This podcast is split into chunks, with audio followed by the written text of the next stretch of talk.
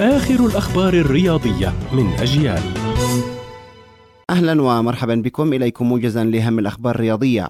توج مهاجم باريس سان جيرمان الدولي الأرجنتيني ليونيل ميسي بجائزة الاتحاد الدولي لكرة القدم فيفا لأفضل لاعب في العالم لعام 2022 وأعلن عن فوز ميسي بالجائزة خلال حفل أقامه الفيفا في العاصمة الفرنسية باريس. وتفوق بطل العالم على الفرنسيين كريم بنزيما وكيليان امبابي أعلن نادي تشيلسي الإنجليزي تعرض مدافع الفريق تياغو سيلفا للإصابة في أربطة الركبة خلال المباراة التي خسر فيها أمام توتنهام بهدفين مقابل لا شيء.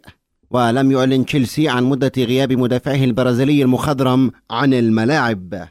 حقق نادي ليفربول الإنجليزي أرباحا قبل الضرائب بلغت 9 ملايين دولار في الموسم الماضي.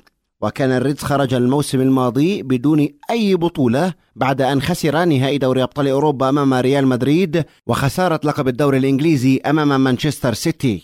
أخيرا ذكرت صحف فرنسية أن النجم المغربي أشرف حكيمي يواجه أزمة تهدد مستقبله بعدما تقدمت فتاة تبلغ من العمر 23 عاما ببلاغ للشرطة بشأن تعرضها لاعتداء جنسي من قبل لاعب باريس سان جيرمان. وأوضحت المصادر أن البلاغ تضمن أن أشرف حكيمي تحرش بها جنسيا في منزله في الخامس والعشرين من الشهر الحالي. وأشارت إلى أن العلاقة بين نجم باريس سان جيرمان وصاحبة الدعوة بدأت بمحادثة عبر تطبيق إنستغرام في شهر يناير الماضي. كانت هذه أبرز الأخبار الرياضية.